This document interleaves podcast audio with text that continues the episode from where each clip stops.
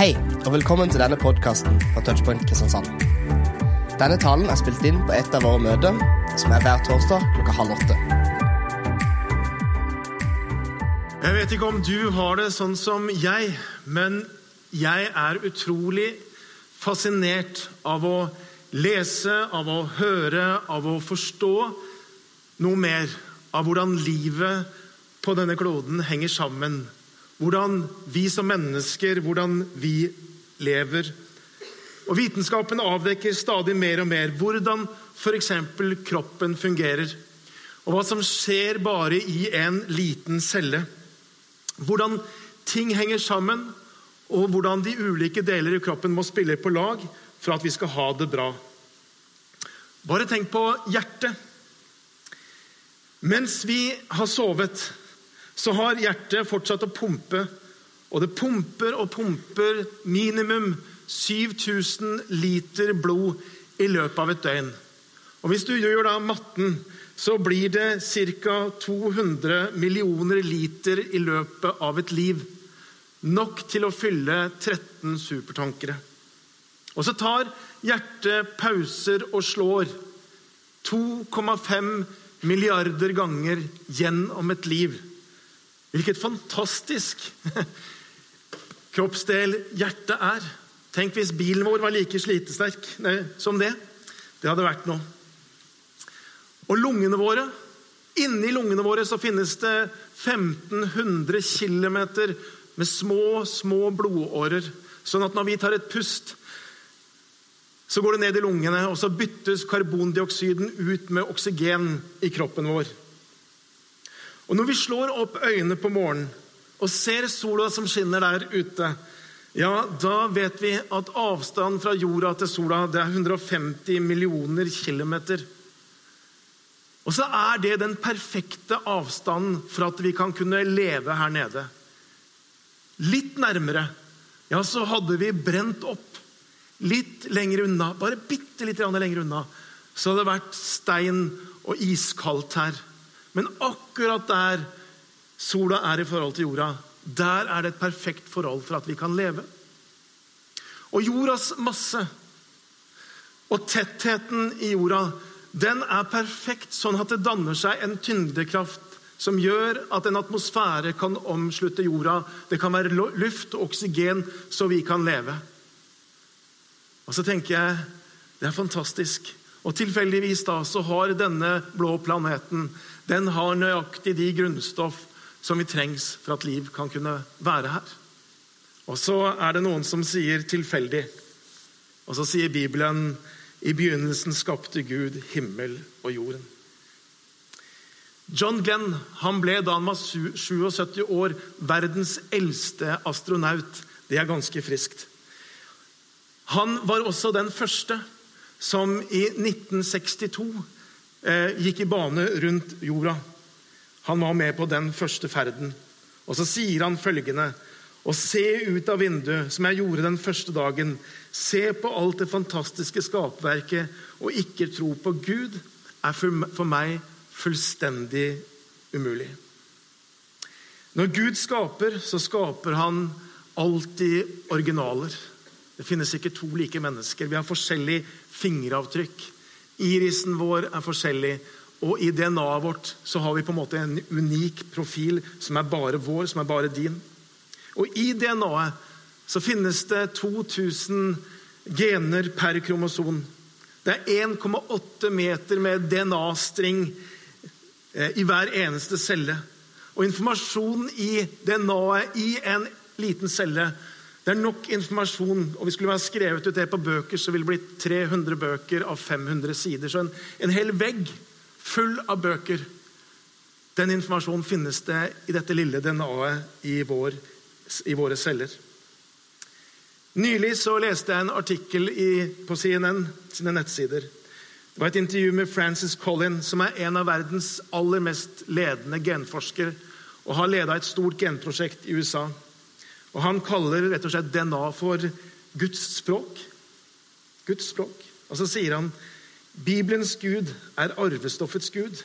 Gud kan finnes i kirken og i laboratoriet Og ved å undersøke Guds majestetiske og fantastiske skapelse kan vitenskapen gi ære til Gud.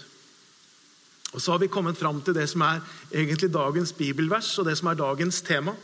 Eh, det er fra, Bibelverset er fra Feserne, kapittel 2 og vers 10. Og temaet, hva er det? Det handler om verden for dine føtter. Og dette at Gud han har faktisk skapt oss til noe helt spesielt.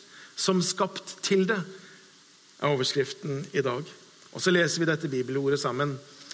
For vi er Hans verk, skapt i Kristus Jesus, til gode gjerninger som Gud på forhånd har lagt ferdige for at vi skulle vandre i dem. Det er så kort at vi skal lese det en gang til. Hør etter. For vi er Hans verk, skapt i Kristus Jesus, til gode gjerninger som Gud på forhånd har lagt ferdige for at vi skulle vandre i dem. Og så har jeg lyst og ut fra dette verset peke på tre ting. Og Det ene det er dette at vi er skapt av Gud. Jeg skal si litt mer om det. Det andre er dette vi er skapt til noe. Vi er skapt til gode gjerninger. Og det tredje det er dette at vi er skapt til å leve i hans plan. Det er de tre punktene jeg har. Og Først altså dette vi er skapt av Gud. For vi er hans verk, står det. Skapt i Kristus Jesus. Vi er hans verk. Og dette ordet 'verk' her eh, På gresk så står det et ord, poema, som er det samme ordet som vi har på engelsk egentlig når vi snakker om 'poem'. Så det som sies her, det er at vi er hans kunstverk. Vi er på mange måter det diktet som han skriver. Vi er historien som han former. Vi er hans kunstverk. Og sånn som et kunstverk er jo uttrykk for artistens eh, kreative evne og et uttrykk for hans, hva han vil si. Og Sånn sier Bibelen, sånn er du og jeg. Vi er et uttrykk for både Guds kreative evne og det Gud vil si. Vi er hans dikt, som han skriver i denne tid. Og så er verken du eller jeg vi er ikke et resultat, sier Bibelen, av verken blind eller evolusjon eller noe tilfeldig, men vi er gudvilla. Det er Gud som vil at du skal være, og at du skal være den du er.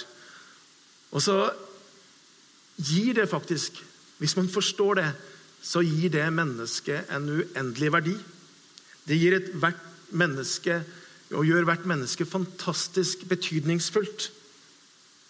Det betyr at vår verdi aldri er knytta til hva vi klarer å produsere, hvor flinke vi er, eller hvordan vi tar oss ut, hvor pene vi er, eller noe annet. Men det er ene og alene knytta til dette hvem som har skapt oss. Vi er skapt av Gud. Det gir oss vår verdi. Det snakkes veldig mye om menneskeverd rundt oss i samfunnet og overalt. Og så snakkes det om på en sånn måte, og det høres ut som at dette med menneskeverd, at alle mennesker er like mye verdt, at det skulle være noe selvfølgelig. Men faktumet er jo at det aldri har vært selvfølgelig.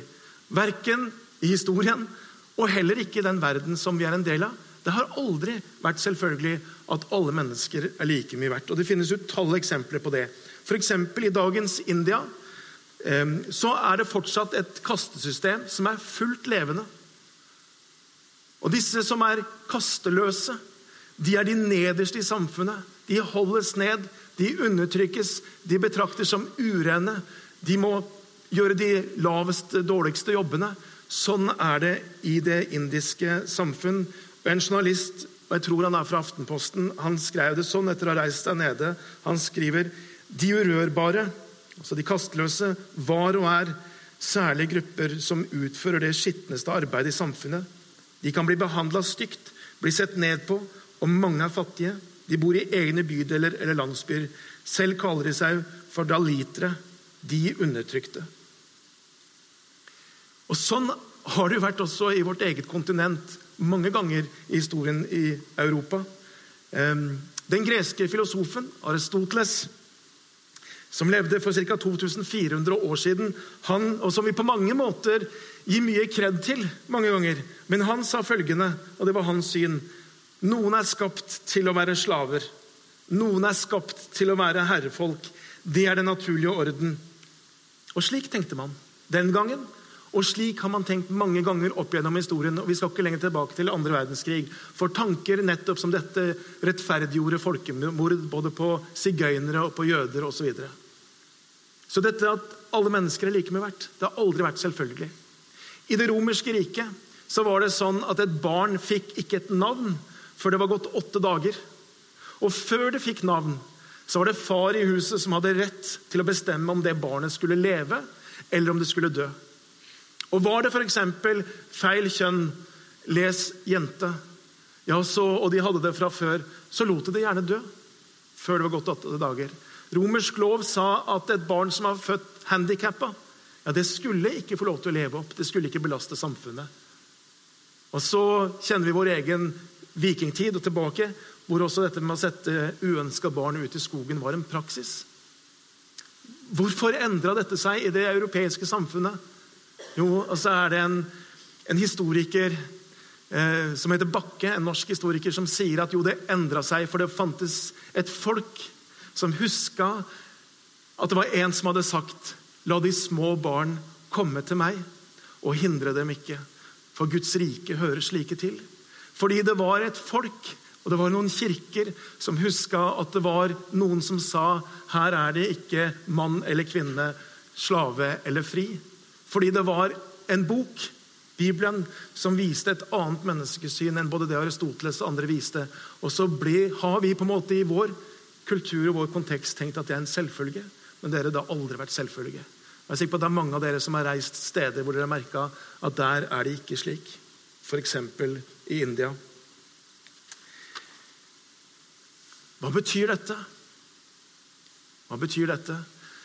Det bibelske menneskesyn for oss. Personlig for meg så opplever jeg at dette er et perspektiv på hvem jeg er, som gir meg hvile. Som får meg til å slappe av. Fordi jeg har ofte tenkt at jeg skulle så gjerne vært annerledes. At jeg skulle så gjerne vært sånn eller sånn eller sånn. Og så har jeg fått lov til å åpne min bibel og så har jeg fått lov til å funnet noen av disse stedene som forteller meg at min verdi handler ikke om hva jeg får til, eller hvor jeg ser ut, eller alle de tinga som man ofte sammenligner seg med andre med. Men min verdi handler om at jeg har fått lov til å, eller jeg er skapt av Gud. Og det er Gud som ville at jeg skulle være som. Det gir en utrolig hvile. Så jeg tenker Det beste vi kan gjøre og jeg tror Eiling sa noe om det sist gang også, jeg tenker det beste vi kan gjøre, det er å få lov til å falle til ro med den vi er. Den Gud har skapt oss til å være. Sånn han vil at vi skulle se ut, at vi skulle de evner og talenter vi skulle ha. Og så er det bra. Og så er det bra. Det var det første punktet jeg hadde lyst til å si til dere. Det andre punktet det er dette at Bibelen forteller oss at vi er skapt til noe. Vi er skapt med hensikt. Du er skapt, står det, til gode gjerninger. Har du tenkt på det? Du er skapt til noe. Du er skapt til gode gjerninger. I Ordspråkenes bok så står det noe der. Det står eh, kapittel 16 vers 4. Herren skaper alt til et formål, står det. Herren skaper alt til et formål. Alt i skapelsen har denne hensiktsmessigheten med seg hvor ting har en hensikt. Og så Noen ganger så kommer vi mennesker inn, og så ødelegger vi noe i naturens kretsløp, eller i næringskjeden eller i miljøet. Og så tenker vi at det gjør jo ingenting om vi bare utrydder denne gruppen. Og så oppdager vi etterpå oi, da fikk vi veldig mye av noe annet, eller da ble det ubalanse i næringskjedene. eller et eller annet. Og Sånn er det. Gud har skapt alt med hensikt. Og hva er formålet med oss? Bibelen sier flere ting om det. Men jeg tenker dette verset sier noe veldig interessant. Den sier på mange måter at hensikten din, det du formålet med deg, det er dette. Du er skapt til gode gjerninger. Det er på mange måter ditt rette element. Sånn som havet er det rette element til fisker, sånn som luften er det rette element for fugler. Sånn er ditt rette element. Det er gode gjerninger. Det er noe av det dette verset sier noe om.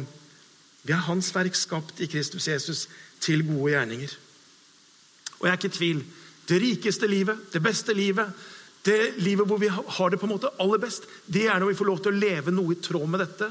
Hva som er Guds vilje, og hva som er Guds vilje for deg og for meg.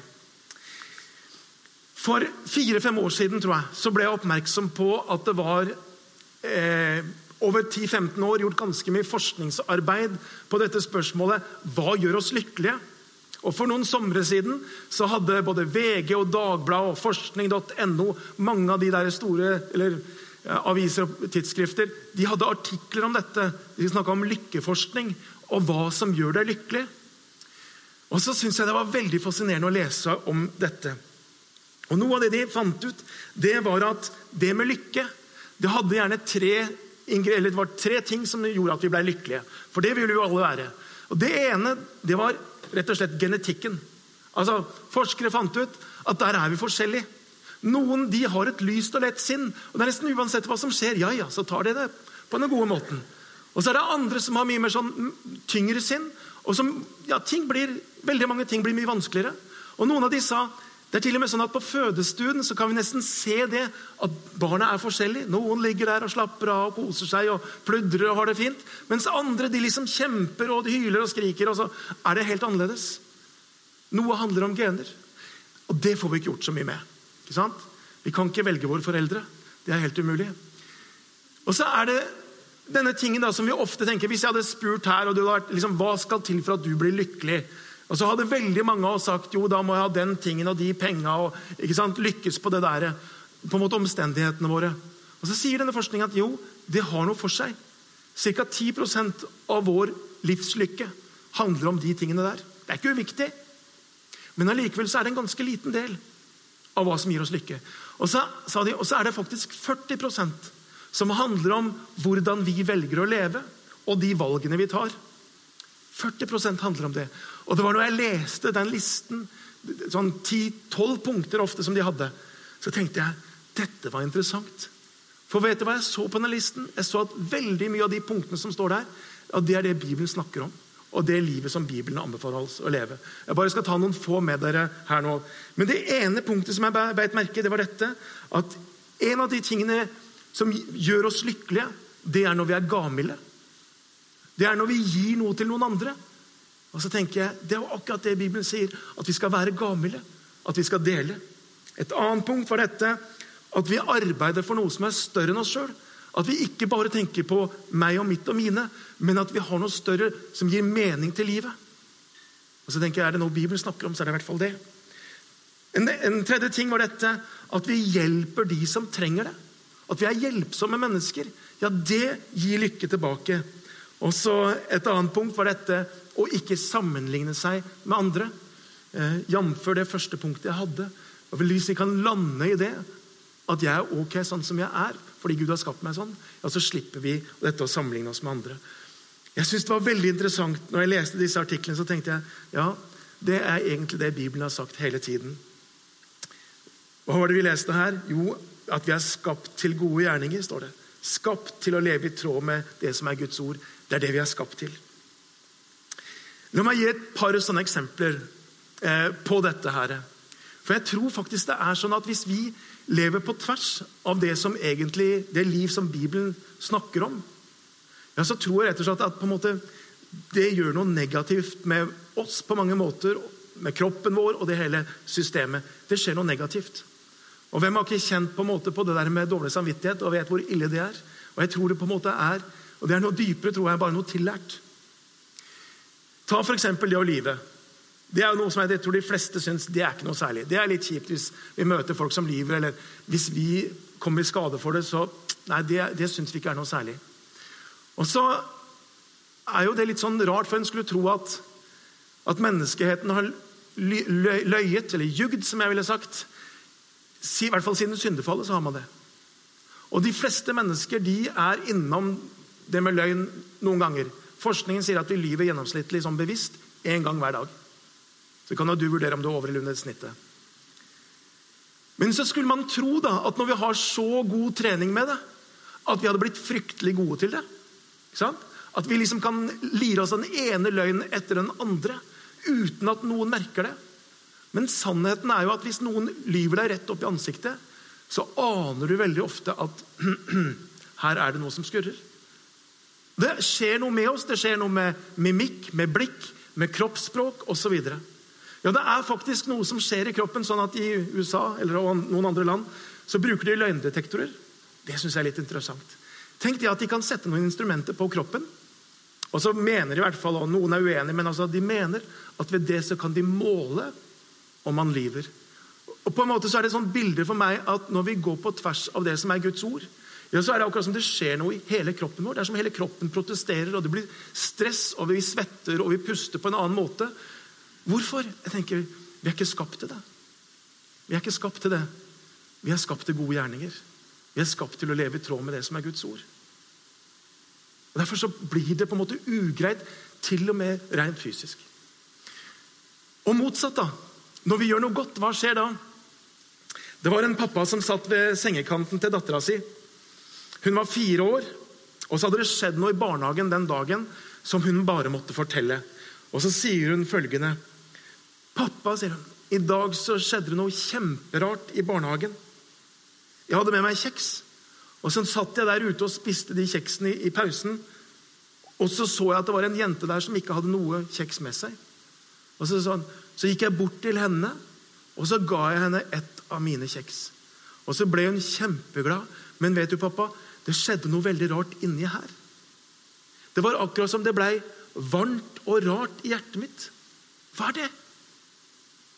Og Så sier denne pappaen følgende til jenta mi, det der det er kjærlighet.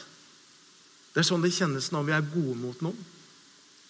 Og så var det Henry Cloud, som er teolog og som er klinisk psykolog, som, som fortalte denne historien der. Og så sier han følgende at forskning viser at når vi er gode mot noen, når vi deler noen ting, ja, så skjer det noe i, eh, hjernen vår. Det utskilles bl.a. dopamin, som gjør at vi kjenner lykke og glede.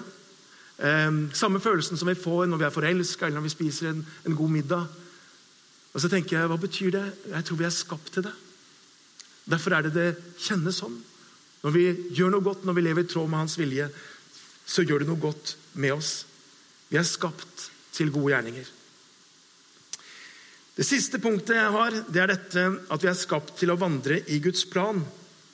Det sto det i det Bilbergsen leste eh, følgende Vi er Hans verk skapt i Kristus Jesus til gode gjerninger. Så står det noe veldig spennende. Det står som Han, som Gud, på forhånd har lagt ferdig for at vi skulle vandre i dem. Tenk på det der bildet. Foran deg, før du har satt foten der, så er det så Gud som har lagt opp en vei som du kan få lov til å vandre inn i. Det er det dette verset sier. Det er spennende. Nei, organisasjonen som heter Åpne dører, det er verdens største organisasjon som hjelper forfulgte kristne i over 60 land i verden. Organisasjonens begynnelse det var rett og slett at i 1955 var det en ung nederlandsk Bibel Bible College-student på 27 år kanskje samme alder som noen her.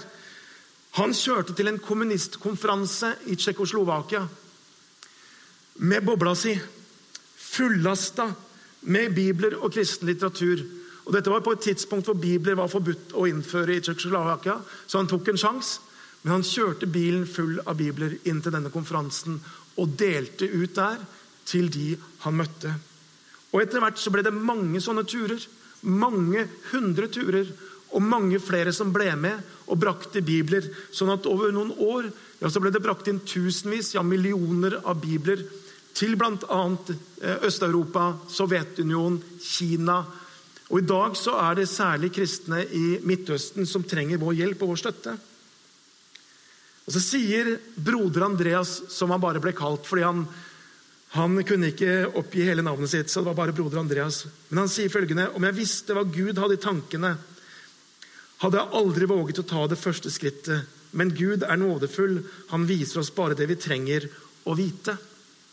Og så tenker jeg Disse planene som vi snakker om, som Gud har for oss, det er sjelden vi ser hele bildet. Eller jeg tror egentlig aldri vi ser hele bildet. Men det Gud kan vise oss, det er det derre første steget. Hva er det som Gud kaller oss til? Hva er det derre Gud drar oss inn i? Hva er det første steget? Og så viser han oss det neste og det neste. Og det er det broder Andreas sier. Av Guds nåde så får vi ikke greie på hele bildet. Da hadde den aldri vågna tatt det stedet. Vi tror på en Gud som er kjempende, en som ikke er gitt opp denne verden, En Gud som kjemper for fred, for rettferdighet, for forsoning mellom mennesker, mellom nasjoner. Forsoning mellom mennesker i nabolaget over landegrenser, men også forsoning mellom mennesker og Gud. Og så bruker da Gud mennesker, vanlige mennesker, som deg og meg, til nettopp det. Og I Bibelen så ser vi utallige eksempler på det, hvordan Gud bruker helt vanlige mennesker med feil og med mangler og med begrensethet. Noah, Abraham, David, Jeremia, Johannes, Peter, Paulus. Så kunne vi nevnt navn etter navn. Og jeg tenker, Sånn er det på mange måter også i dag. Gud bruker vanlige mennesker. Det var med et kall fra Gud at Martin Luther King drømte og kjempet fram den afroamerikanske rettighetskampen. Som stilte seg helt i front, og som vi vet ble skutt nettopp der. Og så sier han dette som jeg syns er utrolig sterkt. Han sier, 'Jeg ønsker bare å gjøre Guds vilje', sier han. Jeg ønsker bare å gjøre Guds vilje. Og så tok han de skrittene, og så fikk han en enorm betydning. Som en tydelig kristen bevegelse var det solidaritet i Polen vokste fram. Som en kirkelig ikke-voldsrevolusjon. Det førte til store samfunnsmessige endringer i Polen og etter hvert i Øst-Europa. Og Jeg var tenåring på denne tiden hvor det på en måte foregikk. Og jeg husker det utrolig godt. Fulgte med på nyhetene. Og så var det en veldig tydelig kirkelig og bibelsk forankring for det de gjorde. Biskop Desmond Tutu han ba fram og forkynte fram Sannhets- og rettferdighetskommisjonen i Sør-Afrika etter apartheidtiden. Og så gjorde det, sier de som forsker på det, at på en måte man kunne bygge bro. Og man slapp at det landet ble kasta ut i en borgerkrig. Og så er det mange sår, og det er mange som er litt. Og allikevel så klarte det landet på en måte å komme seg videre. Og så var det mye på grunn av det han gjorde. Og så sier han det som også står her. Vi er skapt for å gjøre det gode. Vi er skapt for å elske. Pater Damian, da må vi tilbake på 1800-tallet, i 1873. Han grunnla et sykehus der for uhelbredelig syke på en liten øy ved Hawaii som heter Molokai. Der hadde de spedalske blitt sendt ut. Uten hus, uten mat, uten hjelp, ingenting. De bare sendte de, skyfla de til denne lille øya, hvor de ble isolert. De som var spedalske på denne siden. Bokstavelig talt spedalske. Og Så reiser denne katolske presten han reiser ut. og Så forbinder han deres sår. Og Så bygger han hus for dem. og Så sørger han for mat for dem. Helt til han sjøl blir smitta av spedalskhet. Og etter hvert så dør han. Og så sier han følgende.: Jeg gjør meg til en spedalsk for å føre de spedalske til Jesus Kristus. Og så tenker jeg dette er helt ordinære mennesker, som du og jeg, som fulgte noe av det som var Guds plan for deres liv. Moder Teresa har dere hørt om. Og Hun og hennes søstre de tok av seg aids-syke pasienter, hvor de ble sett på som spedalske i mange land i verden. Og så synes jeg Hun sier det så godt. Hun sier vi kan ikke gjøre store ting, men vi kan gjøre små ting med stor kjærlighet. Og så er hun med å forandre samfunn nedenfra og opp. Og Så tenker jeg, så er det også sant at vi gjør sjelden dette i store skritt, men vi gjør det i små skritt, som Gud kan få lov til å lede. Og så kan vi få lov til å bety noe. Den siste av disse mine helter som jeg skal presentere, det er Annie Skau Berntsen, som reiste til Kina. Senere, så, når Kina ble lukket og de sendte alle misjonærer ut, i 1950 så reiste hun til Hongkong. Og så via hun hele livet til å hjelpe kinesere. Først i Kina, så kinesere i Hongkong. Bygde sykehus og fortalte dem om Jesus Kristus. Hun hadde en sånn enorm kjærlighet til det kinesiske folk. Og så ble hennes valgspråk dette Kan Gud? Gud kan. Og så er det under på under som hun fikk lov til å oppleve og hun fikk lov til å se.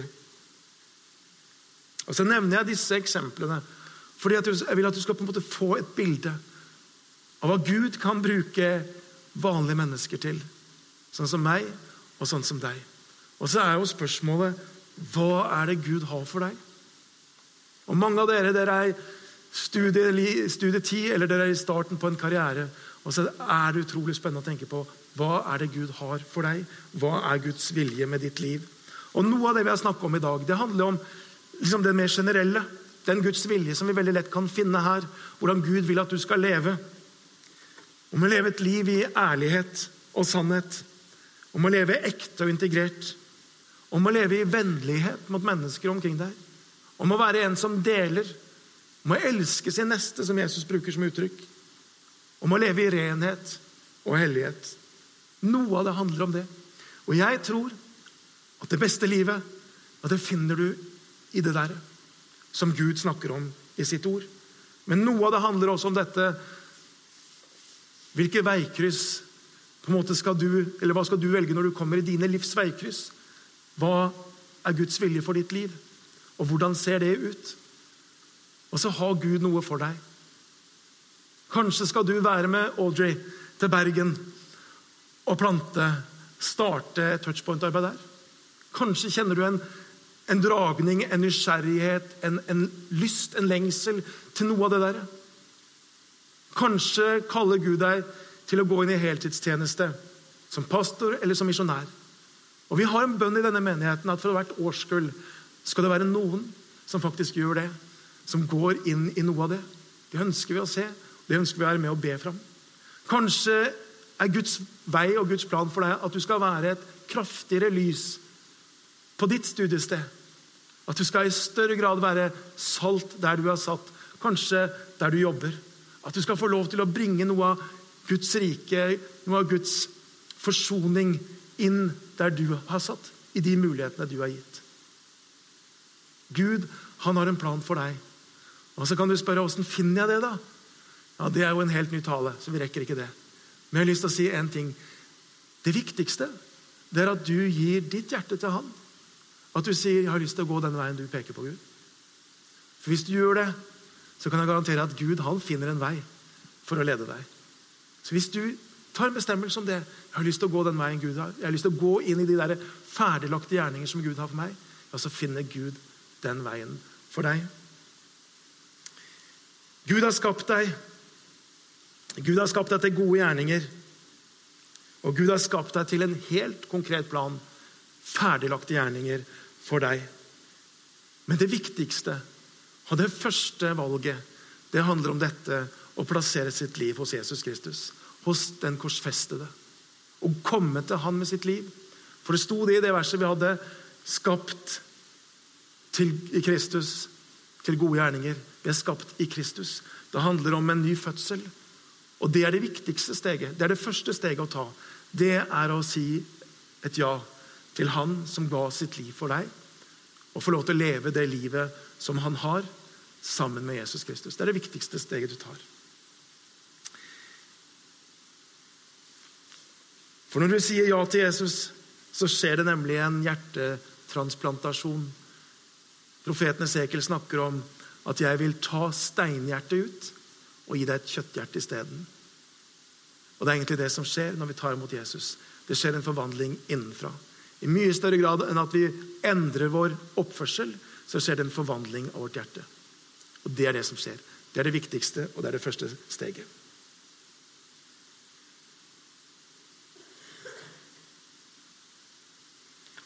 Vi skal be sammen.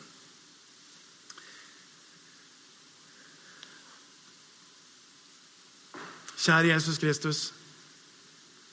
Jeg takker deg for de sannhetene vi har fått lov til å bli minnet om nå, Herre. At vi er skapt i deg og skapt til gode gjerninger. Jeg takker deg for at du har så utrolig mye, og du har så et rikt og spennende liv for hver eneste en, Herre Jesus. Og så ber jeg at du må hjelpe oss til å høre din stemme. At du må hjelpe oss til å ta de valgene som du vil at vi skal ta. At vi kan leve ut de der ferdiglagte gjerningene som du har foran oss. Og så ber jeg helt konkret for hver eneste en som sitter her. Du kjenner hver eneste en, og du har lagt opp en vei for hver eneste en. Og så har jeg bare lyst til å be om at du skal tale, og at du skal lede, Herre. Vi ber om det i ditt navn. Amen.